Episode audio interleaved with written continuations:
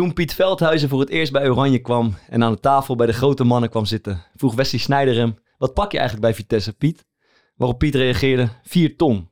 4 ton, zei Sneijder grinnikend, dan verdien ik, even denken, 20 keer zoveel. 4 ton per jaar en toch het mikpunt van spot. Dat kan alleen in een wereld waar de verhouding met geld een beetje is scheef gegroeid. Maar belangrijker is de vraag: hoe gaat een voetballer die regelmatig geen opleiding of andere werkervaring heeft, om met een behoorlijk inkomen, wetende dat hij rond zijn 34ste is uitgevoetbald? Dat gaan we vandaag bespreken. Met, uh, met onze gast, Ben Ivar Kolster, geldcoach, financiële coach bij uh, VFCS.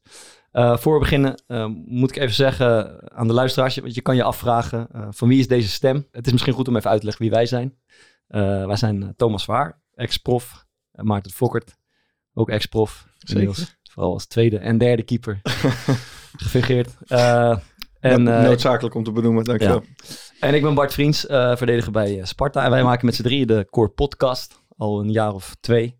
Um, maar voor deze, of in die hoedanigheid, uh, maken we een uitstapje naar, naar de VVCS, naar Benny van Koster. VVCS is de vakbond van, van de betaald voetballers. En Misschien kan je zelf vertellen, Benny, voor wat jouw rol daarin is. Ja, dankjewel. Ja, ik ben sinds ongeveer een jaar ben ik financiële coach voor de VVCS. En um, dat betekent dat ik de leden van de VVCS help met allerlei soorten financiële vraagstukken die ze hebben. Dus vooral persoonlijke financiën. Uh, dus dat loopt van uh, hoe bouw je vermogen op tot ja, moet je een huis kopen? Hoe werkt dat met hypotheken? dus ik verkoop ze geen producten of zo, maar ik probeer ze gewoon te helpen um, om, ja, om betere beslissingen te nemen eigenlijk. Ja. Ja. Over het algemeen financiën, geld, belastingen, pensioenen. Kan een beetje een saai onderwerp zijn, maar uh, ik denk dat we er wel uitkomen met elkaar. Ook omdat wij, uh, en daar kunnen we ook wel mee beginnen, misschien een beeld van de, van de kleedkamer kunnen schetsen van de cultuur in de, in de voetbalwereld. wij hebben het een aantal weken geleden, de, ja, eigenlijk twee weken geleden gehad over, over contracten. En daarin is, Maarten, was jij, jij was open over het salaris wat je verdiende. Uh, in de tijd bij Herenveen. We deden een soort quizje over. Uh, en wat er ook wel, wat, ja, wat, uh, wat wij ook bespraken, is dat, um, dat het beeld van salarissen onder voetballers niet, niet altijd helemaal zuiver is. Ja, ik kan, wel, ik kan wel schetsen. Ik weet nog dat ik toen was, ik, ik zei 19, maar ik was, ik was 20. Ik heb nog even teruggekeken. Um, en ik had een soort jeugdcontract, dus ik verdiende 2500 euro in de maand. Maar ik had goed gedaan, ik was tweede keeper geworden. Ik zat op een gegeven moment bij Jong Oranje en ik zou mijn contract gaan verlengen. En ik kreeg toen aangeboden, wat was het, 60.000 euro per jaar. Wat ja, uh, ver boven modaal is. En ik voelde me echt gewoon oprecht zwaar beledigd. Want ik vond dat ik recht had, uh, recht had op minimaal anderhalf ton. En dan vond ik niet eens dat ik heel hoog in de boom ging zitten. Omdat sommige jongens die op de bank zaten, die al veel ouder waren, verdienen dat ook.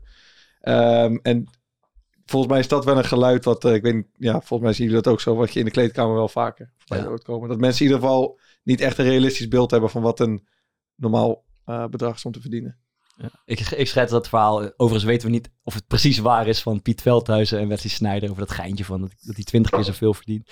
Um, maar is het, Thomas, is dat iets wat, je, wat wel een beetje typerend is voor de, voor de voetbalwereld? Ja, het is een beetje taboe om over je eigen... Dat en, sowieso, ik, en ik heb ja. het idee dat als het gebeurt, dat, ja. dat, je, dat degene die over hun eigen salaris praten, dat het eigenlijk ook nooit helemaal eerlijk is. Dus dat er altijd een klein schepje bovenop voor gedaan wordt ten opzichte van wat het nou echt is. Maar ik heb toen bij Sparta, uh, ging mijn contract verlengen. En toen kwam ik zeg maar, had ik het idee van, nou, kom ik een beetje in de schaal van de best verdienende spelers. Dus toen heb ik gewoon heel open en eerlijk met twee spelers besproken van, uh, ja. wat kan ik vragen? En, we, en uh, dit is wat ze mij hebben aangeboden, is dat uh, realistisch? Ja. dus dat, dat heeft op zich best wel geholpen. Maar dan, daar moest je wel, dat voelt niet echt heel comfortabel nee. doen. Zeg maar. ja, ik heb het zelf ook gedaan. In mijn periode bij Eagles kreeg ik een contract aangeboden. Ik was zelf eigenlijk al blij met alles, want ik kwam van een jeugdcontract van Utrecht. Tonnetje. Nee, dat zat zeker niet op het tonnetje, nee. Uh, maar en toen, uh, ik, ik, kreeg, een, ik kreeg een, nieuwe aanbieding en toen ging ik het ook vergelijken met een speler die eigenlijk dus, de, hetzelfde profiel had als ik. en ik, ik, had, ik was goed met hem, dus ik vroeg hem ook op de man af eigenlijk, net als Thomas zegt, van, wat, wat, wat, heb jij, wat heb jij aangeboden gekregen? En dat bleek twee keer zoveel te zijn, geloof ik, als wat ik verdiende. dus ik heb maar ook mijn voordeel uitgehaald en, en uiteindelijk een beter salaris uit kunnen slepen. Uh, maar dat is niet echt gebruikelijk. En uh, ja, dat, dat moeten we allemaal beamen, denk ik. Wat is jouw ervaring met uh, hoe, hoe, spelers daarover nou, ik, ik, herken dat heel erg, want ik heb natuurlijk heel veel met spelers gesproken, een beetje tegen het einde van hun carrière. En ook wel daarvoor hoor, maar daar gaat het niet zo vaak over wat anderen verdienen. En wat ik veel, zie, veel gezien heb, is dat, um, ja, dat was vooral bij CFK, hè, uh, toen ik daar zat. Wat ik veel gezien heb, is dat veel spelers overschatten toch wel wat je kunt verdienen in een totaal andere baan. Dus je, je ziet veel spelers die denken, nou, ik, ik ga door in de voetballerij. Nou, daar zijn de salaris stuk niet slecht, ook niet als trainer of, of in een andere functie. Ehm, maar als je echt iets anders gaat doen, ja, dan hey, op je 33ste, dan moet je nog even onderaan beginnen. En dan loop je tien jaar achter op je collega's uh, met hetzelfde profiel. En dat valt ze dan enorm tegen. En het is misschien wel leuk, want ik heb even de cijfers erbij gezocht. Ehm, als je kijkt naar de eerste divisie, hè, dan heb je een modaal inkomen van, uh, van 36.000 euro. Ongeveer 3.000 per maand. Uh, en, en, modaal, daar bedoel ik in dit geval mee gewoon uh, ja, doorsnee inkomen. Dan was ik dus ook echt een hele modale kampioen divisie speler. Ja, zo hadden ze ingeschat. Ja. ja. dat is eigenlijk ook wat je hebt laten zien. Hoor, in die, ik zou dat nu niet overtuigend durven zeggen dat ik een modale KKD-speler was. Maar het mooie is dat als je dat dan, of het mooie, als je dat vergelijkt met wat er in Nederland wordt verdiend, is dat eigenlijk hetzelfde. Het is ook ongeveer 3000 euro per maand. Ja. En als je dat dan, als je dan aan een eredivisie-speler vraagt van wat vind je van eerste divisie salarissen, nou, ik denk dat een heleboel daar niet zijn bed voor uitkomen. Nee. Dat is misschien wel precies het probleem. Ik zou zeggen, ik had van de week een, uh, een jongen met wie ik een aantal jaar heb gespeeld aan de lijn. Uh, en die, wat, die had ook een stapje terug gedaan nu. En die kon dan, weet ik voor ergens nog, laten we zeggen, 6000 bruto gaan verdienen. En die zei mij, je denkt toch niet dat ik daarvoor nog ga, ga voetballen? Ja. Straks. Ja. En dat ja, is heel veel geld eigenlijk, 6000 euro bruto. Uh, maar ik denk dat als je dat in de kleedkamer zegt, word je daar niet heel gek op aangekeken. Nee, ja, eigenlijk is eigenlijk de, de tonnetjes, uh, je zei net al gek die vliegen je om de oren in de kleedkamer. Dat, dat, dat is wel waar, toch? Van ja, ik ga niet naar het buitenland voor 2,5 ton. En weet je, het gemak waarmee daar zo over wordt gesproken, dat is wel aan de orde van de dag, denk ik. Maar dat is toch ook wel een beetje eh, gewoon stoer doen. Ja, sowieso. Dat, dat is er niet altijd gebaseerd op, uh, op, op echte kansen, denk ik. Nee, maar het tekent wel de cultuur waarin ja, je uh, begeeft. Ja. wat ook iets met je kan doen, toch? Ja, zeker. Ja. Ik denk dat we ook, we hebben het ook wel eens eerder over gehad, over voorbeelden van als je, je, gaat uit met een voetbalteam uh, op, een, op, een, op, een, op een eiland of een weekendje weg of ergens in Ibiza of weet ik veel wat. Um, en dan is er, is altijd een laag spelers die best wel goed verdient en die, die, die het breed laat hangen. Hè? Die tafels bestelt en VIP-tafels en dure flessen vodka en weet ik het allemaal. En er is ook een, laag van spelers die, die veel beduidend minder verdient, maar daar ook toch ook aan mee moet doen of mee moet betalen en mee moet in die cultuur. En dat valt niet altijd mee, denk ik. En ik denk ook dat er veel jonge spelers zijn die niet eerlijk durven aan te geven van... Ik kan het niet betalen. Ik kan het niet missen of, uh, of uh, ik doe hier niet aan mee, ja. weet je wel. Dus je komt wel een beetje in dat soort Ja, ik, moet ik, heb, ik heb ook wel eens meegemaakt dan... Uh, dat was in mijn jaar bij VVV, dat dan... Waar op zo'n kampioensweekend. En dat dan de jongens die veel van de premie hadden gekregen, als ik me goed herinner, die ja. betaalden dan aanzienlijk meer voor zo'n dure avond weg. Ja. Een keer. Dus dat is, dat nuanceert dat misschien ook wel een beetje. Maar ik denk inderdaad dat er best veel als je van de jonge jongens die dan graag... Die hebben in ieder team zitten. Heb je een paar van die popiopies. Wat overigens helemaal geen vervelende gasten hoeft te zijn. En er zijn een paar van de jonge spelers en die willen daar graag een beetje bij horen. En als je dan in zo'n situatie komt, wij hebben een teamuitje. En die gasten trekken een paar van de dure flessen. Ja, die kan je niet laten kennen. Nee, dat kan je zeker niet dus dan moet je, Ja, dan ga je ja. gewoon... En dan ga je ook gewoon net doen. Um, ja. Dat heb ik ook wel gezien. Die gaan reageren op een manier dat je ook denkt van... Oh, ze kunnen het blijkbaar missen. Ja. Dat is helemaal niet het geval dan. Je hebt toch wel eens met uh, pinpas roulette de hele lunch moeten betalen. Ja, avondeten. avondeten. we gingen met acht gasten uit eten in Heerenveen. Ik was toen dus 19 en toen zat ik gewoon nog op een contract van een vierde keeper. Dus laten we zeggen, dat was was, ik denk dat mijn eerste jaar was.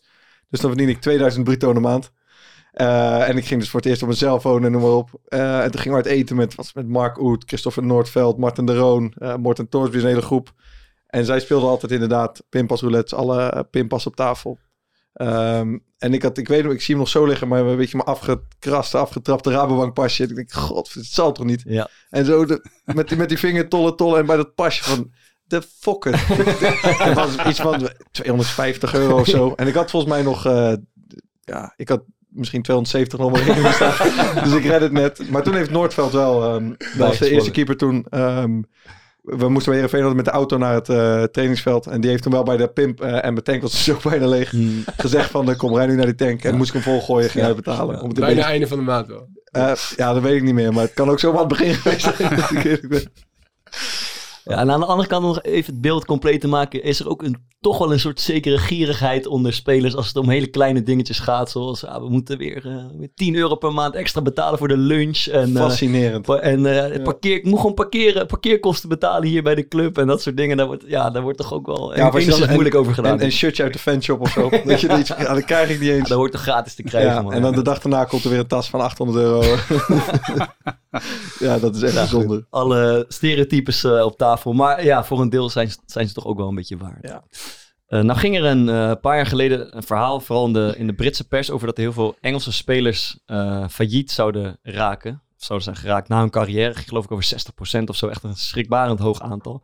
Um, maar jij vertelde dat dat niet helemaal uh, klopt, dat er in ieder geval genuanceerd moet worden. Nee, de tijd dat ik bij het CFK werkte, um, heb ik 15 jaar lang heb ik iedereen natuurlijk gezien die, die was gestopt met voetbal. En ik dacht dat kan niet waar zijn, want ik denk in, in die hele periode heb ik misschien één of twee mensen die echt failliet gingen gesproken. En, um, en de VVCS dacht er ook zo over en we dachten laten we eens een heel groot onderzoek doen. We hebben dat gedaan met de Universiteit van Utrecht onder 2000 voetballers en oud-voetballers. Ja, en daar kwam eigenlijk uit dat er veel minder problemen zijn uh, onder voetballers dan als je het vergelijkt met de gemiddelde Nederlander. Weet je die percentages nog? Um, ja, nou, dat, het, het, valt een beetje uiteen, want je moet het natuurlijk goed definiëren. Hè? Maar bijvoorbeeld uh, uit mijn hoofd, als je hoeveel, hoeveel procent heeft betalingsproblemen, dus kan zijn rekeningen niet meer betalen. Nou, ik geloof dat dat in Nederland iets van 20% is en onder voetballers iets van 7%. 20% of zo? Vind ik wel 20% echt, van alle Nederlanders heeft... Uh, ja, ik doe het even uit mijn hoofd hoor, maar het, zo valt het toch ongeveer uiteen. Dus het was echt wel veel minder. Wow. En op zich natuurlijk best wel te verklaren, want ja, er wordt gewoon meer verdiend dan gemiddeld. En uh, en we hebben nog de CFK-regeling. Maar jij hebt het dus, Bart had het net over Engeland en jij hebt het nu over de Nederlandse voetballers. Ja. En in Engeland heb je geen CFK-regeling. Nee, dat klopt. En, uh, en, en overigens hebben we ook in Engeland nagevraagd van uh, waar, waar is dat onderzoek, kunnen we dat krijgen? Ook bij de Engelse vakbond. Niemand wist waar dat vandaan kwam. De helft is echt, of 60% ging het over, toch? Ja, dus, ja krankzinnig. Uh, echt bizar veel. aantal. Maar ook in Amerika hoor je dat zo. Ja, die NFL en dat. Ja. NBA. En dan gaat dan, het verhaal was vooral dat ze uh, ja, na hun carrière niet meer die inkomsten krijgen waar ze aan gewend waren, maar, raken, maar wel datzelfde uitgavenpatroon hebben. Soms een echtscheiding uh, rechts of links en, en totaal bankroet raken. Ja, dat is, dat is inderdaad het grote probleem. En daarom zie je, want die CFK-regeling, wat dan helpt hè, om, om voetballers te, te, te, te laten overbruggen zonder financiële problemen. Ja, die heb je eigenlijk alleen in Nederland. Um, en in het buitenland heb je die, heb je die niet. Uh, en het, het vervelende is, ik wou bijna zeggen het grappige, maar het vervelende is dat juist spelers met heel veel geld, die heel veel verdiend hebben, die komen veel eerder in de problemen. Um, diegenen die onverantwoordelijk zijn, die te hoog uh, uitgaven blijven, blijven voortzetten. Uh, ja, en je inkomen stopt. Ja, maar dan je zou denken, CFK, is, daar zit nu een max aan van een miljoen, geloof ik. Dacht ja, ik. Klopt. Dan, uh, ja. dan is die vol, dan mag je niet meer afdragen. Ja. Als je echt en echt voetbaltop speelt, bij Ajax, PSV, misschien zelfs in het buitenland, dan verdien je natuurlijk veel meer dan 1 miljoen per jaar. Terwijl ja. je dan eigenlijk die, dat miljoen over 15 jaar moet uitsmeren. Dus dat is ook niet helemaal uh, vergelijkbaar met, met, wat je, met, met wat je op dat moment verdient. Nee, dat, dat klopt. Hè? Dus uh, je kan nog steeds een groot verschil uh, tegenkomen. Ehm, maar ik denk wel dat het grootste probleem zit in dat je inkomen echt volledig wegvalt. Ja. Dus voor sommige categorieën gaat het ook wel met 7k naar beneden. En dan kan je het weer, kan je het weer een beetje verkorten, waardoor je iets meer binnenkrijgt. Maar de grote gemiddelde deler is van, dat het gewoon enorm helpt. En dat zeggen spelers zelf eigenlijk ook. Ja.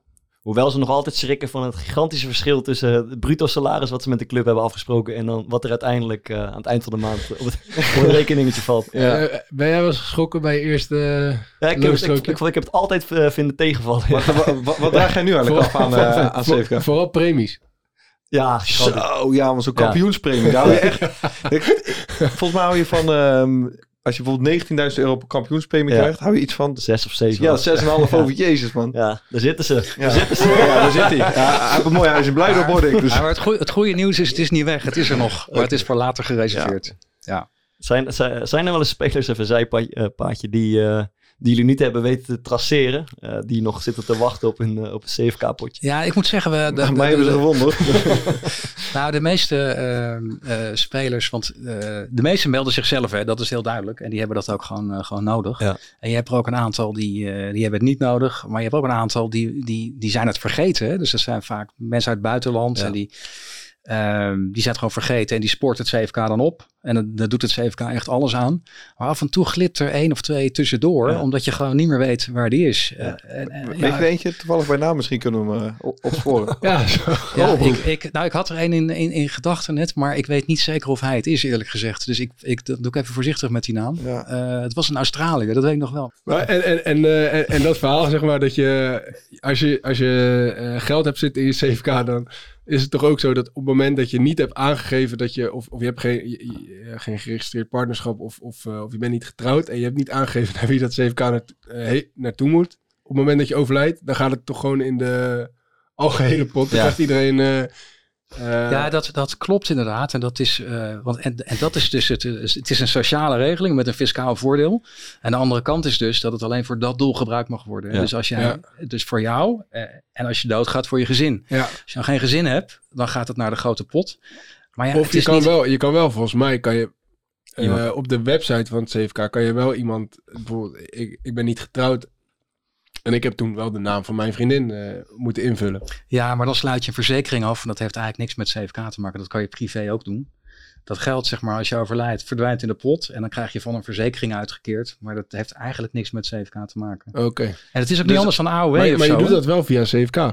Ja, dat in? Omdat, omdat natuurlijk CFK vaak hoorde van, uh, ja, ja, moet dat nou? En uh, uh, kunnen we dat niet anders doen? Wij maakten wel eens grapjes bij van die hele zware conditionele training. vroegen we wat aan vrijgezelle jongens, heb, jij, heb, heb, je wel, heb je wel een naam ingevuld voor het geval dat je het niet overleeft vandaag? maar dus, als ik het goed begrijp, als zelfs Bart de pijp gaat nu, dan profiteer ik daarvan. Ja, dan profiteer je. Ja, want ik ben... Dat, dat is verdomme dat is mooi. Ja. Ja. Want ik ben top Je hebt een motief. Ik heb een, ik heb een motief, ja. Want ik heb een grote pot. nee, ik ben toch mijn spijt... Volgens mij een van die spelers die dat nog steeds niet heeft ingevuld. Dus dat is inderdaad waar. Oh, het gaat dat niet naar, niet mijn, horen, zeg. niet naar mijn Oh. ouders of naar mijn broer of mijn vriendin. Maar het gaat uh, in, het, in, het grote potje. Kan je hem niet op de VOF zetten? Kort podcast. Dan pleur ik helemaal voor de prijs. Um, uh, ja, maar toch zijn er ook wel wat problemen. Kan je iets delen over wat, wat de grootste problemen zijn waar, waar voetballers tegenaan lopen? Op ja, want we, we, kunnen wel constateren dat in aantallen dat problemen minder zijn. Maar als er problemen zijn, dan zijn die ook best ernstig. En uh, nou ja, misschien hebben jullie het ook wel eens meegemaakt, maar uh, als je financiële problemen hebt in een, in een team, het is niet alleen voor die, voor die jongen zelf een probleem. Um, hè, want schulden geven enorm veel stress. Maar misschien ook wel voor het team en de effectiviteit daarvan. En um, uh, ja, we hebben ook onderzocht waar komen die problemen nou vandaan. Nou, deels zit dat in, uh, ja, in, in, in, in het, het, het, doen van te veel uitgaven. Zit er ook vaak in culturen, weet je wel. Van je moet voor je familie zorgen bijvoorbeeld. Uh, maar deels ook in totaal niet, geen voorbereiding. En je noemt net al even scheiding. Dat geldt voor alle Nederlanders dat dat een probleem is. Maar, uh, maar ook bijvoorbeeld opeens, je carrière is opeens afgelopen. Ja. Ik, ik heb wel eens in mijn studententijd gehad. Uh, ik weet niet, hebben jullie wel eens echt financiële problemen gehad? Heb je daar wel eens, heb je wel eens een keer nee. uh, gehad dat je echt met de handen in het haar zat? Nee, niet, niet, niet met de handen in het haar, maar ik heb wel echt wakker gelegen toen ik mijn hypotheek ging afsluiten. En ik heb. mijn broer is een, een hele mooie kerel, maar die heeft altijd, die is nog obsessiever dan ik. Dus die had dan dat zijn studie afgemaakt en die wist niet goed wat hij wilde. Dan had hij, had hij bedacht van oké, okay, ik wil een bedrijf in, uh, in gezonde voeding. Nou, en dat, ik wilde ook wel wat doen naast voetbal, dus ik ging me daar ook een beetje bij helpen. En dat hadden we dus samen gedaan. Um, maar hadden we dus een BV voor gestart. Uh, en toen ging ik uiteindelijk, dat, daar waren we mee gestopt. En hij zou dat opzeggen. En toen ging ik mijn hypotheek afsluiten. Maar ik had um, geboden zonder, hoe noem je dat, ontbindende voorwaarden. Zonder voorbouwde financiering. Ja, precies. Dus uh, wat anders hier in de stad komen helemaal niet doorheen. En toen zat ik echt op het randje van, oké, nu moet het alles goedgekeurd worden. En het was alles wat had ik aangeleverd, alles was goed. En we hadden een oefenwedstrijd met, met Go Ahead, was dat, uh, bij de KNVB campus. En ik krijg zo'n bericht van, uh, uh, afgekeurd, want er staat nog een BV op je naam. En dan blijkbaar heb je minder recht. Toen dacht ik, tering man, want dan zou je 10% van die som moeten betalen. Dan ben ik na die wedstrijd nog snel naar mijn broers werk gereden. Heeft hij dat ding nog ingevuld, opgestuurd. En toen was het echt met, weet ik veel, binnen één of twee dagen um, was het nog op tijd. Maar toen heb ik wel echt, daar heb ik echt wakker van gelegen. Want ik dacht van, kut, straks moet ik in één keer, uh, is het 30.000 euro ja. of, of 20.000 euro aftikken. Jij dan als student? Nee, als student had ik, heb, ik wel, heb ik wel regelmatig meegemaakt dat ik op het einde van de maand zat. Dat ik dacht van, uh, ik, heb, ik heb niet al te veel meer over. En nou? dan vind ik al alles en dan deed ik het in envelopjes. Dus dan uh, had ik uh, 10 euro per dag of zo. En als ik dan een dag niks uitgaf, dan uh, had ik de dag daarna 20 euro. ja, dus, ja dat, als, als student. maar de, ik denk dat de meeste voetballers die hier naar luisteren, die kunnen zich dat niet voorstellen. Tenminste, ja. ja, maar toch ook wel, man. Je hoort, je hoort soms inderdaad wel gewoon verhalen, ook in de kleedkamer. En met kaarten bijvoorbeeld. En dat ging dan over nou ja, wij, kaarten bij Excelsior bijvoorbeeld. En het ging dan om 60 euro per maand maximaal. Als je echt een hele slechte maand had, dan moest je een keer 60 euro betalen. En dan, dan waren inderdaad uh, wel jongens die echt moesten wachten op hun, uh, op hun salaris. Ja, ik heb één keer gehad bij, uh, uh, bij Jong Oranje. Was er een jongen die had bij Feyenoord verlengd net. En um, die, ik was toen dus naar Heerenveen gegaan. Dus dan zag je die gast een paar keer per jaar weer. En zei, hey, Fokker, moet je komen. Dit, dat, verlengd. En moet je kijken. Dus dan wij naar die ehm, parkeerplaats. Rode Porsche. Echt een mooie, mooie auto. Had die, weet ik veel, 90 rug of zo gekost. En zei, ja, een nieuwe vriendin. Net vakantie. Ja, ik, ik, heb geen geld meer. Ik heb geen geld meer. Dus in één maand had hij voor 90.000 euro een nieuwe auto gekocht. en had voor, ik, ik, durf niet precies, maar iets van 15 of 16.000 euro aan vakanties. En dan zei gewoon, ik heb, let, ik heb geen geld meer. Mijn tekengeld, alles is er doorheen. Dus het, ja, als je er op zo'n manier mee omgaat, dan maakt het natuurlijk geen reet uit hoeveel, hoeveel geld je hebt, want dan gaat het er vanzelf uit. Maar to toch zijn het ook wel uh, jongens die dat nu hebben, nu ze voetbalcarrière zijn, maar zelf uit een sociaal lager milieu komen en dat van huis uit misschien wel hebben meegemaakt. Dat, het, uh, dat ze ieder ja. moesten omdraaien. Ja. Um, dan is er ook zo'n soort uh, trend van de laatste jaren. Uh, waarin het een beetje gaat over passief inkomen. Gadverdamme. Na, na, na, je carrière, uh, niet alleen voetballers trouwens, maar uh, breed in de maatschappij.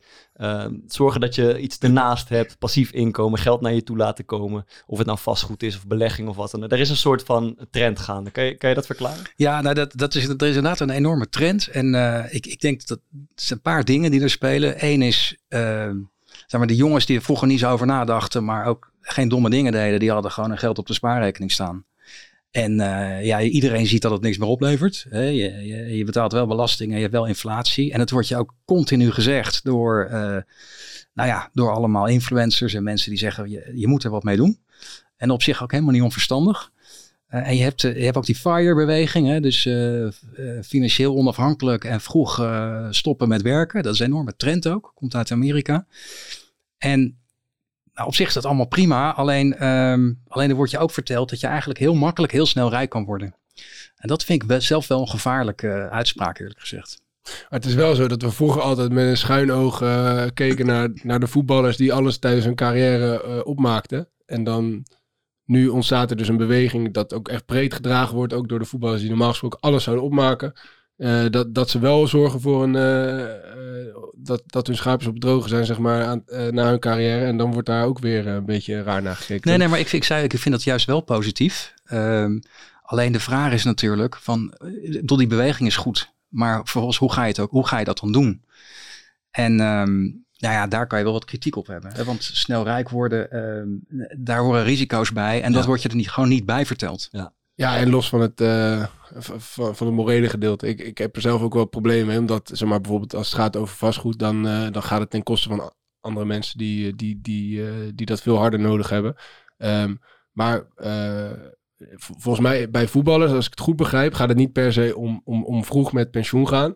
Maar gaat het, uh, en degene die mij als eerste in, de, in het hoofd springt, is, is Ryan Babel, die daar natuurlijk uh, heel erg mee bezig is. En die zegt gewoon van, ik heb nu een bepaalde leefstandaard. En als dadelijk er minder geld binnenkomt, doordat ik niet meer voetbal, dan wil ik diezelfde standaard kunnen, uh, mm. kunnen houden. Dus dat heeft niet per se met... en hij weet ook, zeg maar, dat hij nooit meer zoveel geld gaat verdienen bij een of andere andere baan dan met voetbal.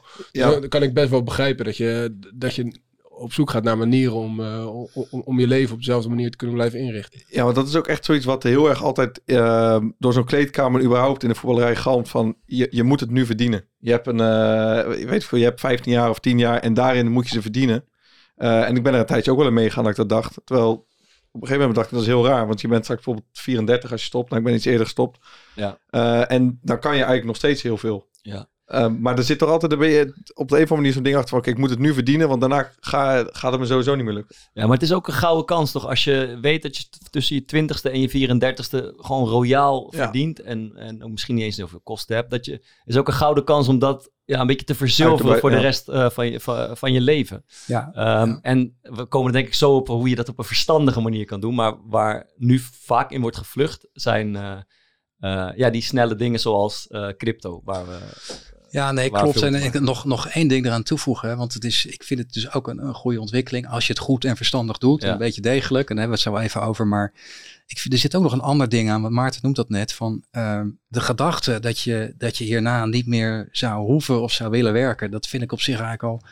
Wie wil er nou niks doen, weet je wel? Uh, wie wil er nou zich niet ontwikkelen?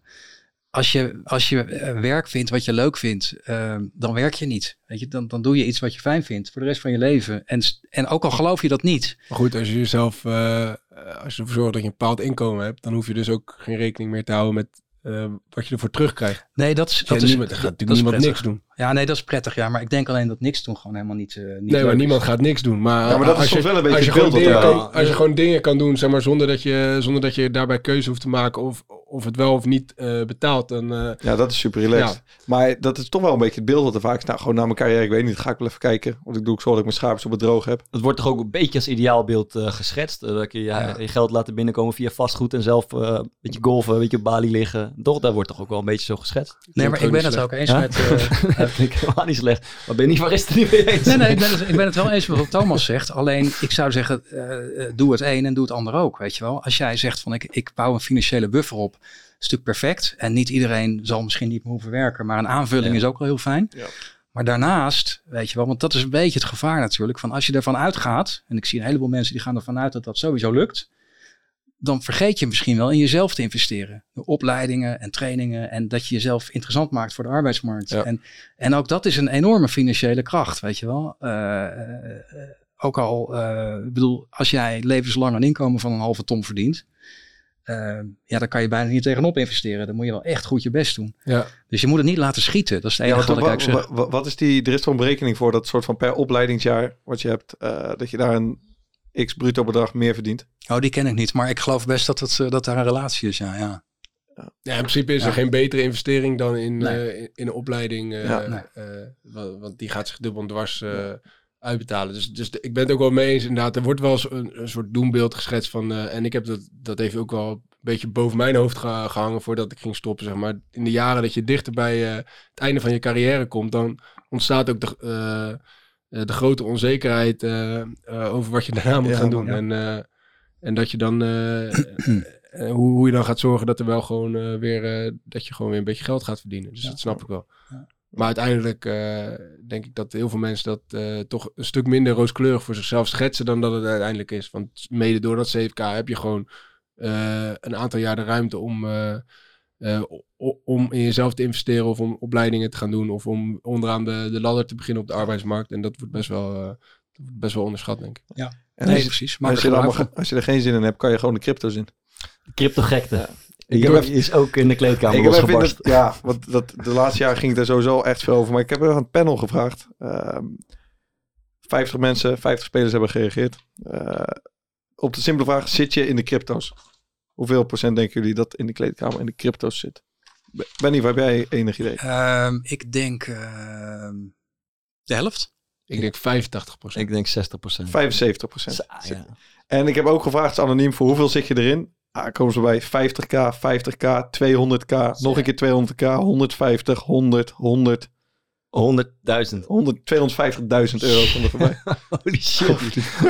en ook best wel veel, 5000, uh, sommigen met, uh, met een paar honderd. Er komt gewoon, het is gewoon een keer of 5, 6, gewoon boven de ton. Ik vind dat vind ik wel echt heel erg veel, ja. man. Wow. Ja, je moet natuurlijk eigenlijk kijken welk deel het van je vermogen is. Hè? Dat is uh, want kijk, als je een ton erin hebt zitten ja. en je, en je hebt ook nog 2 miljoen, miljoen en ja. alle andere, oké, okay, dan weet je wel, dat is een klein stukje. Maar... Ik heb 300 erin zitten. 300.000? Nee, 300 euro. De, die heb ik, ik heb 2017 voor 300 euro aan muntjes gekocht. Dat is denk ik nu nog. Ik zal eens even kijken. Toen ben je, pa het gewoon ben je paswoord nog... kwijtgeraakt. Die staan er nog steeds. Ja. heb, jij, heb, jij, heb jij een paar crypto's? Denk nee, nee ooit. Uh, ik had ook uh, ooit een handje vol. Maar ik, dat ik is nu snap... nog 194 euro waard. Tom, jij bent de enige die erop achteruit is gegaan in de afgelopen twee jaar. Ja. Hij heeft wel een tijdje op 2000 gestaan. Uh, toen heb ik niet verkocht. Dus, en nu is 194. Oh. Maar jullie herkennen dit ook van van collega's die. Uh, ja, nou, ik, ik, ik, wist niet dat het zoveel was. Ik dacht gewoon uh, met mensen die spelen misschien wel met duizenden euro's ermee, maar Uh, ik, ik, had niet verwacht dat echt mensen tonnen, uh, maar dat zal dan vooral bitcoin zijn, denk ik. Nou, er wordt wel veel over gesproken hoor, onderling. Ja, Welke heb je eigenlijk, heb je die al, je moet die hebben en, en, en zo gaat het maar door. Jij ja, trok, net een uh, parallel tussen gewoon crypto en eigenlijk gewoon gokken in het casino. Ja. Maar ik denk dat wat het verschil is met crypto is dat, je, dat er een soort verhaal ontstaat dat, het een goed, dat, dat, dat die munt gaat groeien en dat daar ook nog een soort logica achter zit. Dus dat je denkt dat je niet puur aan het gokken ben, maar dat er een soort enigszins logica in zit. Nou ja, precies. Maar wat mij opvalt is dat, want ik ben ook uh, docent op uh, TIO Hogeschool, beleggingsvakken. En daar gaat het ook natuurlijk over crypto. En als je, als je, als je studenten vraagt, maar ook eigenlijk iedereen, gewoon twee vragen verder, uh, dan zie je dat heel weinig mensen zich echt verdiept hebben in wat het mhm. nou echt is. Ja. Dus je bent ook heel erg geneigd om mee te gaan met een verhaal wat je hoort. Um, en dat is natuurlijk nogal risicovol. Je zou eigenlijk meer zelf moeten nadenken van zou dit op de lange termijn wat kunnen worden? Of zit je er op de korte termijn in? Maar mijn stelling is eigenlijk als voetballer heb je de lange termijn. Ehm, en zou je moeten proberen om op de wat langere termijn vermogen op te bouwen. En dan is de vraag of crypto de beste manier is.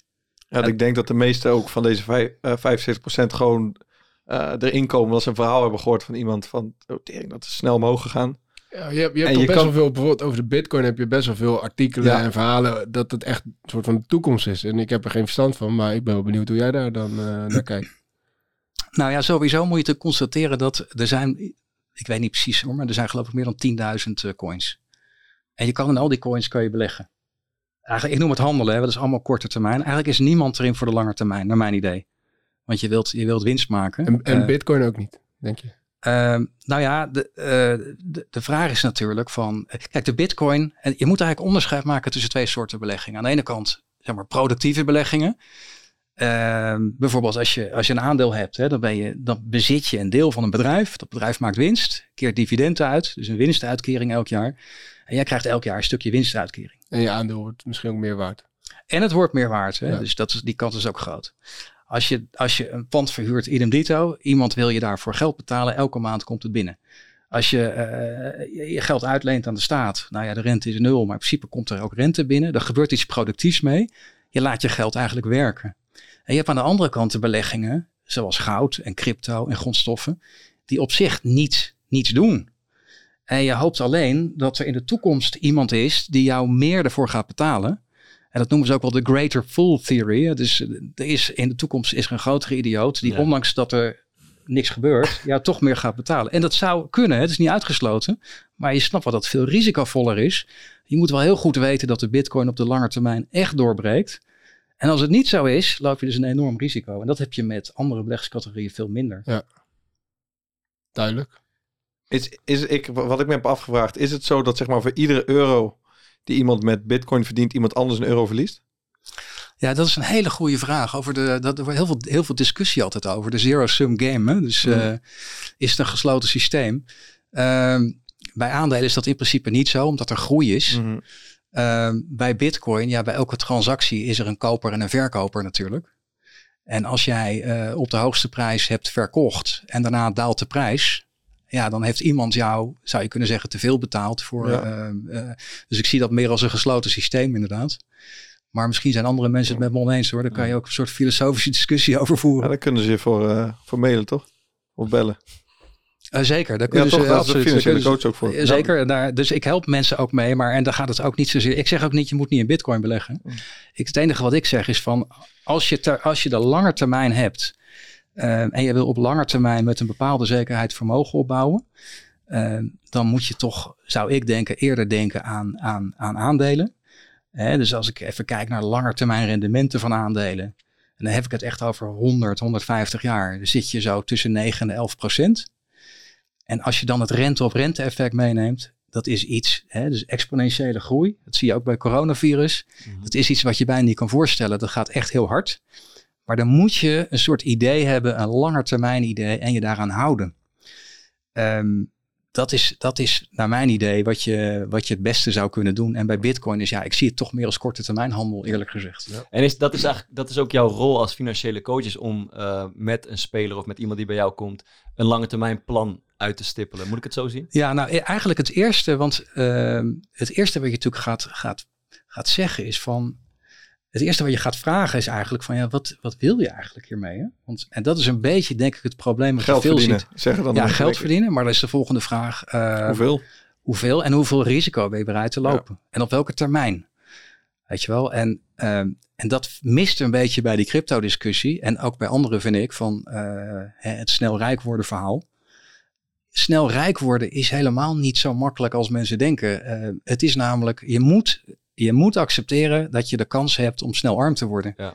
Maar de meeste mensen hebben dat laatste nemen ze niet mee in de afweging. Nee, dat is helemaal. Maar het is er ook zo dat bij die in die crypto-wereld dat en dat wordt aan de ene kant gezien als, als de kracht dat ze, dat ze redelijk onafhankelijk zijn. Uh, maar dat is toch ook een groot risico dat je niet gebonden, dat ze degene die jou de munt aanbieden of wat dan ook, die zijn niet gebonden aan bepaalde uh, uh, regels. En bij aandelen bijvoorbeeld is dat. Is, is, ja, dus, heb je veel meer zekerheid over dat wat je koopt, dat dat ook gewoon best wel waardevast is. Ja, de, de, de, zeg maar de, de crypto-wereld staat niet onder toezicht. En alle andere beleggingselementen staan wel onder toezicht, dus, aandelen. Dus met andere woorden, zeg maar, als jij een munt koopt, een crypto munt koopt en die, die maker van die munt die besluit in één keer uh, een miljoen extra van die munten uit te brengen, dan kan dat gewoon. En daardoor wordt die munt uh, minder waard. Dat zou, ja, dat zou toch theoretisch gewoon kunnen? Ja, dat zou, je doet een cryptomunt. Ja, ja, ja. ja dat, zou, dat zou bij. Kijk, dan moet je dus echt kijken. Bij elke cryptomunt wordt er een zogenaamde whitepaper geschreven. Ja. Daar staat gewoon de basis van het project en hoe, er, hoe het geprogrammeerd is en, uh, en, en, en wat er kan en wat niet. Bij Bitcoin kan dat niet. Uh, je kunt dat niet uitbreiden. Ja. Het is 21 miljoen bitcoins maximaal. Ja. En dat is ook het mooie, weet je wel. En, ik, en als je kijkt naar de, de blockchain op zichzelf, we gaan niet een hele technische discussie voeren. Hmm. Op zich is dat een geweldige uitvinding van hoe kun je digitaal eigendom um, uh, vastleggen in een decentrale database zonder dat je het kopieert. Ja. Dat, is, dat is geweldig en dat heeft potentieel enorme toepassingen. Denk maar aan, uh, aan al die registers voor huizen. Je kan straks misschien je huis vastleggen in de bitcoin, dat jij er eigenaar van bent. Dan heb je geen notarissen meer nodig, geen banken meer. Geweldige toepassingen. Maar de vraag is op dit moment van hoe ga je daar dan geld mee verdienen als belegger? Het doet me heel erg denken aan de internetbubbel van 20 jaar geleden. Toen werd internet uitgevonden. Nou ja, zouden we zeggen begin jaren 90. Je wist van dit heeft een enorme waarde. Maar hoe ga je als belegger daar geld mee verdienen? Dat is nog heel iets anders. En wat je toen zag, van nou, er kwamen een heleboel bedrijfjes werden opgericht. En als je maar internet in je naam had, dan was je zo 10 miljoen, 100 miljoen euro waard. Precies zoals nu met die munten. Mensen die gooiden daar geld heen, dachten het wordt heel veel waard. En toen krijg je die crash in 2001 en dan zie je, er zit vaak geen verdienmodel achter. En vervolgens zijn er veel bedrijven die, die zijn er heel groot mee geworden als Amazon. Maar dan moet je wel als belegger net in Amazon zitten. En dat zie ik nu ook een beetje gebeuren. Er is iets moois uitgevonden, maar we weten nog niet precies hoe je daar, kan, uh, hoe je daar geld mee kan verdienen. En dan krijg je in de kleedkamer die verhalen dat iemand zegt, uh, morgen komt er een munt uit. Ik heb 50 euro in geïnvesteerd ik heb morgen 8 miljoen op mijn bank. en dat blijkt dan uiteindelijk steeds niet te lukken. Dat is gewoon echt gebeurd, hè? Ja, dat is echt gebeurd, ja. En van die gozer hadden ook vrienden, die hadden nog iets meer. Die zouden iets van 48 miljoen gaan verdienen. Allemaal net niet uitgekomen. En dat bleek dan zo, volgens mij is dat een pump en dump. Dat ze, Dan word je gewoon genaaid, toch? Ja, kijk, en als je dat is, hè, dit pump en dump, hè, dus dat, dat zijn eigenlijk gewoon scams. En er zijn natuurlijk meer scams, hè. We hebben ook uh, Expose gehad. Nou, dat is ook nog... Uh, dat is met Mark Overmars. Uh, onder andere, ja. En, die is geëxposed. Ja, uiteindelijk ook. Uh, maar de, ja, dat zijn gewoon scams. En dat kan dus allemaal omdat er geen toezicht is. Overigens worden zij misschien wel strafrechtelijk vervolgd, uh, wellicht. Um, dus die, die scams die werken gewoon op basis van veel reuring creëren. Zoveel mogelijk mensen die een, een, een zeepbel laten kopen. En dan degene die als eerste erin zetten, die trekken uiteindelijk de stekker eruit en die verkopen alles. Precies. En dan degene die ja, dan, wat we begonnen net mee, dat is te constateren dat eigenlijk mensen eigenlijk zich niet erin verdiepen, maar gewoon op verhalen afgaan perfect om, uh, om zo'n uh, pump en dump te gaan doen. Ja. ja. Laten we nog één andere vluchtroute uh, behandelen. het vastgoed. Heb ik ook even, oh, heb je ook gevraagd, heb ik ook even aan het paneltje gevraagd. Toch ook iets waar veel voetballers mee bezig zijn. Ja. Verhuur je één of meerdere huizen? Vraag je nou aan Bart of... nee, bij Bart, bij Bart weet ik dat het er meerdere zijn. um, procentueel in de kleedkamer. Ik denk 30, 30 Nee, ik denk 15. Ik denk uh, kwart. 45. Tering, veel man. Ja. Nou, vind ik wel. Vind ik ook wel best veel. veel ja. Ja, heel veel. Of we hebben gewoon een heel rijk panel. Dat, dat zou ook kunnen, ja. En er zijn natuurlijk ook verhalen van uh, enkele voetballers die zo'n 60, 70 pandjes uh, op de lijst hebben staan. Jan-Arie van Heijden. Juist. Ja. Over de 100 zit hij zelfs volgens mij. Koning van Rotterdam. Ja. ja. Maar dat is nu, um, crypto wordt veel over gesproken, maar ik word bijvoorbeeld op Instagram echt helemaal doodgegooid met van die cursussen uh, om in vastgoed te gaan investeren. Pandjes flippen. En wordt zelfs zonder, zonder vermogen. Ja. Zonder vermogen uh, in, in, vastgoed uh, investeren. Oh, jij vindt er wat van, Thomas? Ja, ik, ja ik, ik, ik, ik mijn, mijn nekharen gaan in principe recht overeind staan. Want ik, ik, los van het feit dat je daar echt goed rendement mee kan maken en dat het misschien verstandig is om je geld erin te stoppen, uh, uh, eist het gewoon enorm veel uh, slachtoffers, denk ik. Zeker, zeker op dit moment. En volgens mij zijn ze ook bezig om dat wel een beetje aan banden te leggen. Maar ik vind dat je daar wel over na moet denken als je, als je gaat investeren. En, en hetzelfde geldt als je gaat beleggen, dat, je, dat, je, dat ik vind dat je dat duurzaam moet doen. Dus, maar dat is puur moreel gezien. Ja. Nou ja, kijk, je zag met vastgoed dat uh, we hebben natuurlijk die, die crisis gehad. Die iedereen bijna weer vergeten. Dus in 2013, 14 huizenprijzen gingen hard, hard naar beneden. Um, toen hadden we een enorm huurtekort. Uh, huurwoningen tekort en er zijn een heleboel mensen opgesprongen. Dus als je zo 2015, 16 bent ingestapt, 17, heb je geweldige rendementen gemaakt. Um, even los van het, uh, van het morele aspect, maar dat is gewoon een feit. En je, eh, je zei net van ja, er worden cursussen aangeboden. En dan zie je wel een beetje dat je aan het eind van de cycle komt. Uh, Want dat is een beetje dat ze. ja, want je merkt echt dat er rondom vastgoed nu zit van het kan niet fout gaan. Zeg maar, het is, hoe, het is nu super duur, maar je kan het gewoon doen. Want als je maar iets krijgt, bijvoorbeeld in de stad op een mooie plek, dat blijft maar, omdat er zo'n krapte is op de markt, dat blijft groeien. Dat is heel erg wat ik uh, rondom me merk, dat mensen dat denken. Nou, ik moet wel zeggen, jij noemde, uh, Bart, jij noemde passief inkomen. Ja. Als er iets passief inkomen is, is dit het. Hè? dus elke maand van iemand betaald krijgen. En het wordt niet belast ook, de huurinkomsten. Dus het is, het gaat volledig. Wordt niet apart belast, nee. Ja. Nee. Wordt niet apart belast. Dus wat dat betreft doet het heel goed. Maar de prijzen zijn zo gestegen en de rendementen zijn nu Kijk, als je nu hier in Rotterdam bijvoorbeeld uh, op een normale plek een huis koopt voor de verhuur, dan kom je ook niet veel hoger dan 4% bruto rendement. En dan moeten nog wat kosten af. Weet je wel, dat is hoger dan een spaarrekening. Ja, maar omdat, omdat, de huizenprijzen zo hard zijn gestegen. Want, ja, omdat want was het dat de prijzen niet zo hoog waren, maar de huurprijs heel hoog lag. En die huizenprijzen zijn nu zo gestegen dat het eigenlijk het verhuren niet zo heel lucratief meer is. Nou ja, kijk, dat, dat moet iedereen zelf bepalen, maar 4%, 3,5%.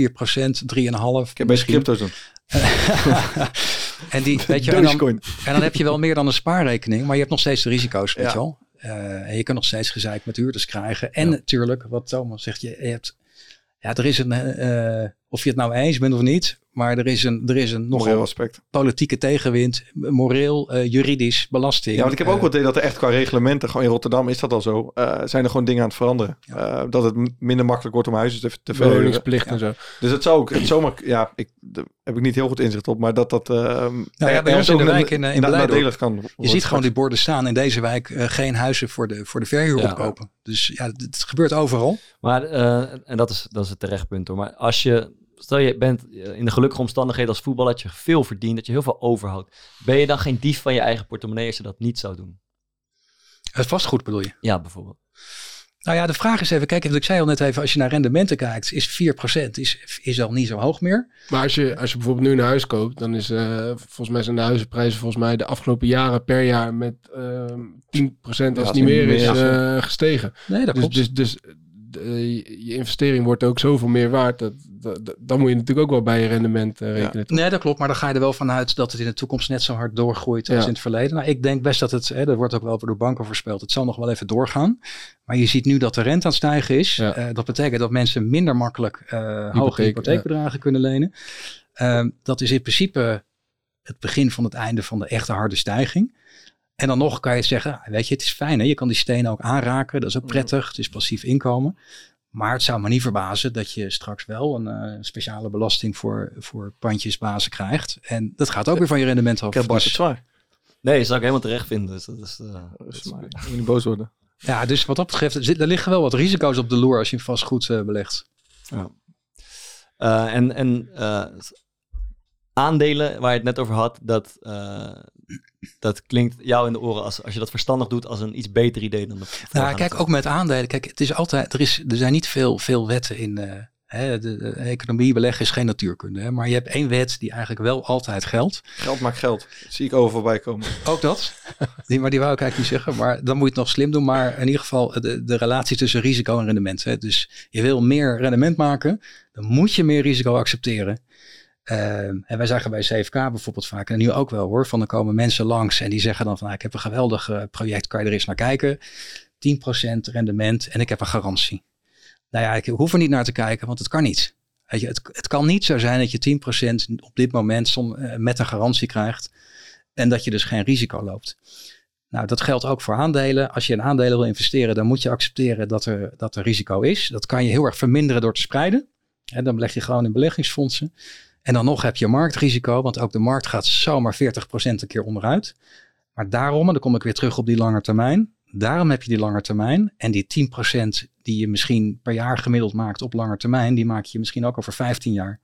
En dan maak je die, die, die, dat jaar van, van min 40 maak je niet meer uit. Het gaat jou om de lange termijn. Maar dan moet je wel de vooraf over nadenken en, en, en daarop inzetten. Ja. We horen het je eigenlijk al een beetje zeggen, maar zou je uh, in, in, in, in een paar zinnen kunnen vertellen? Uh, stel je bent een voetballer, uh, jaar of 22, en je, je bent in de omstandigheid dat je je eerst of je tweede behoorlijke contract tekent, zeg bij, bij FC Utrecht. Um, je hebt het goed voor elkaar. Wat is, de, juist, wat is een goede manier om daarmee om te gaan om uh, voor jezelf uh, goede zekerheid te creëren? Ja, nou inderdaad. Hè, van je zou eer, eerst eens kunnen, kunnen nadenken over je positie nu. En er niet voetstoots van uitgaan dat je straks net zoveel verdient op de arbeidsmarkt als nu. Want dat is gewoon, dat is voor de meeste mensen is dat zo. Nou, als je dat weet, dan is het heel verstandig om nu wat met je geld te doen. Daar zijn we het ook allemaal over eens, denk ik. Uh, dan is de vraag, hoe doe je dat? Nou, eerst moet je moet ik even nadenken van ja, wat voor risico ben ik bereid te nemen. Ik zou zelf adviseren, maak gebruik van de lange termijn. Uh, denk gewoon, ik heb uh, eh, 15 jaar en dan ga je vervolgens denken, nou ben ik bereid om, uh, om aandelenrisico bijvoorbeeld te accepteren. Zo niet, dan beleg je ook een beetje in obligaties. Um, en dan ga je dat rente op rente effect, ga je maximaal gebruik van maken. En dat is, dat is de kans dat je dan over 15 jaar een aardig vermogen op, opgebouwd, is, is, ja, die is behoorlijk groot. Ja. En het interessante is van, de, ik weet niet of jullie Warren Buffett kennen, ja. een van de bekendste beleggers ter wereld. En hem werd wel eens gevraagd van, joh, jij bent al decennia, maak je zulke goede rendementen met, rendementen met aandelen. Waarom doet niet iedereen het? Want zo ingewikkeld is het niet. En zijn antwoord was, because nobody wants to get rich slow. Mhm. Nou, daar begonnen we eigenlijk mee. Iedereen wil snel rijk worden, weet je wel. Mhm. Maar dan, als je dat wilt, en, en nogmaals, prima, weet je wel, maar accepteer dan dat er risico's aan zitten. En ik vind dat als in mijn praktijk zie ik dat als je het mensen gaat uitleggen, ehm, dan denken ze: oké, nou dat vind ik toch een beetje te veel risico. Ja, ja. goed punt. Geld verliezen doet pijn, hè? Dat doet echt heel veel pijn. Ja, en het, het, is tegelijkertijd ook een, denk een aanbeveling. Uh, we hebben je ook uh, buiten de uitzending even gesproken voor voetballers die niet helemaal weten uh, wat, wat ze met hun geld moeten, hoe ze verstandig moeten omgaan met het inkomen dat ze hebben. Uh, om uh, met jou uh, in contact te komen, met de VVCS in contact te komen. Ja. om daar eens over te sparren. Ja, zeker. En nou ja, VVCS-leden die kunnen dat sowieso doen. En anderen kunnen ook heel makkelijk lid van de VVCS worden. Het is ook echt, het kost ook bijna niks. Goede investering is dat ook. Heel goede investering. Een paar euro per maand. spijt van een verhaal dat je dat niet, niet eerder hebt gedaan? Nou, ik, ik, ik, heb niet zo extreem veel verdiend in mijn carrière, maar ik, ik heb echt geen idee inderdaad wat ik, met, wat ik met, als ik uh, geld op de bank heb, heb ik geen idee wat ik ermee moet doen. Dus, dus misschien was het wel verstandig geweest als ik een keer aan de bel had getrokken. Jullie kunnen even natafelen straks toch? Nou ja, op zich wel. Ja, op zich wel, ja. Nou, misschien nog één ding toevoegen, want je, je kunt dit allemaal heel makkelijk zelf doen. Het grappige is eigenlijk, ik denk dat de beste manier van beleggen ook best wel makkelijk en saai is. Maar je hebt wel met je eigen emoties te maken natuurlijk. En mensen hebben wel de neiging om als het bijvoorbeeld als je dan een keer zo'n zo'n crisis hebt, om dan snel te gaan verkopen. Uh, dat moet je natuurlijk niet doen. Um, en als je daar wel last van hebt, dan kun je natuurlijk ook zeggen van, nou ja, ik laat het iemand anders doen. En ik doe dat niet hoor, voor alle, voor alle duidelijkheid. Maar er zijn genoeg partijen die, dat, uh, die dat voor je doen. Alright. Mooi. Wij gaan er in onze eigen podcast altijd uit met, uh, met een rondje tips, aanraders voor de luisteraar die is, die is blijven hangen.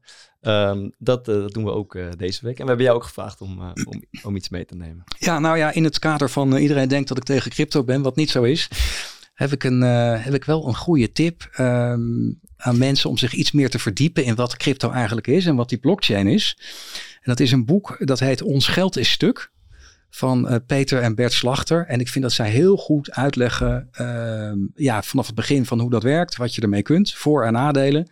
Hè, we hadden het over waarom kan het met de bitcoin geweldig aflopen of waarom kan het helemaal misgaan. En ik vind dat zo'n overzicht ontbrak nog, dus ik zou mensen aanraden dat te lezen. Ik heb toevallig gekocht van de week. Ja, heb je gekocht? Ja. leuk. Mooi. Ik zou willen ook, ook een ja, voor vragen. Ik zie je weer kijken, want gelooft het niet. Ja, op mijn staat hij. ik wil ook een boek aan, aanraden. Het heet uh, Fantoomgroei. Dat gaat over het ja, financiële systeem in Nederland en hoe in de laatste decennia we als land veel rijker zijn geworden, maar daar eigenlijk maar een hele kleine groep mensen vooral van geprofiteerd heeft. en ik denk dat het, als je een voetballer bent en je bent in een hele bevoorrechte positie en ook als financieel heel goed met je gaat, dat het een goed boek is om te lezen, om ook uh, de andere kant van de medaille te zien. Dus fantoomgroei. Mijn is ook een thema. Voor wie geen zin heeft om een boekje te lezen. Het tv-programma uh, Sander en de Kloof uh, op VPRO. Ja, Thomas, hij had hem ook. Hij had hem ook. Ah, vader, dat moet je weten. Dan moet je het dan moet je heel snel Ik, ik heb nog eentje extra. dus, reservebank. Ja, ja, Ik, wist, ik, ik, ik, had toch verwacht dat... de lookalike van Sander Schimmelpenning zijn eigen broer gaat. Uh, Sander Schimmelpenning gaat, uh, gaat de kloof ehm, in kaart brengen eigenlijk. En eigenlijk dreigt het uh, een beetje mis te gaan in Nederland op verschillende vlakken. Uh, namelijk dat er een markt is markt komt van, van winnaars, mensen aan de goede kant, mensen die het geluk hebben. Uh, en verliezers, dat is zo in het onderwijs, zo in de huizenmarkt uh, en op de arbeidsmarkt. En daar gaan ze een aantal afleveringen, jullie, jullie hebben het ook gezien, ja. dieper op in. En dat kan je zelf ook wel een spiegel voorhouden. In ieder geval iets leren over hoe het er in de maatschappij aan toe gaat. Ja, ik heb een film. We hebben het natuurlijk gehad over, uh, over de, de hysterie. Big Short. Ja, de Big Short. Ah, zeker, zeker. Uh, uh, de, dat, dat een bepaalde hysterie en een bepaald fabel, zeg maar, ervoor kan zorgen dat heel veel mensen ergens in gaan geloven, wat dus eigenlijk niet bestaat. En de Big Short gaat over die, over die bankencrisis in 2007 uit mijn hoofd. en daarin wordt op een hele overzichtelijke, humoristische manier uitgelegd hoe dat nou precies is gegaan. En je broek zakt er vanaf. Ehm, en daarnaast ook nog uh, een sterrenkast en uh, een hele vermakelijke film. Dus uh, The Big Short. Er zitten toch steeds van die scènes in dat volgens mij Margot Robbie doet dat. Ja, die steeds keertje, de, ja, de bankcrisis eigenlijk uitlegt en duidt. Ja, dus, dus dan gebeurt er iets zeg maar, wat, wat eigenlijk niemand kan begrijpen. en dan komt, om het, om het aantrekkelijker te maken, gaat een, een, mooie blonde vrouw, Margot Robbie, die gaat dan op een hele overzichtelijke manier uitleggen wat er nou precies allemaal gaande was. Dus, zulke dingen gebeuren inderdaad. Oké, we, zijn er, we zijn er doorheen. Dank voor je komst.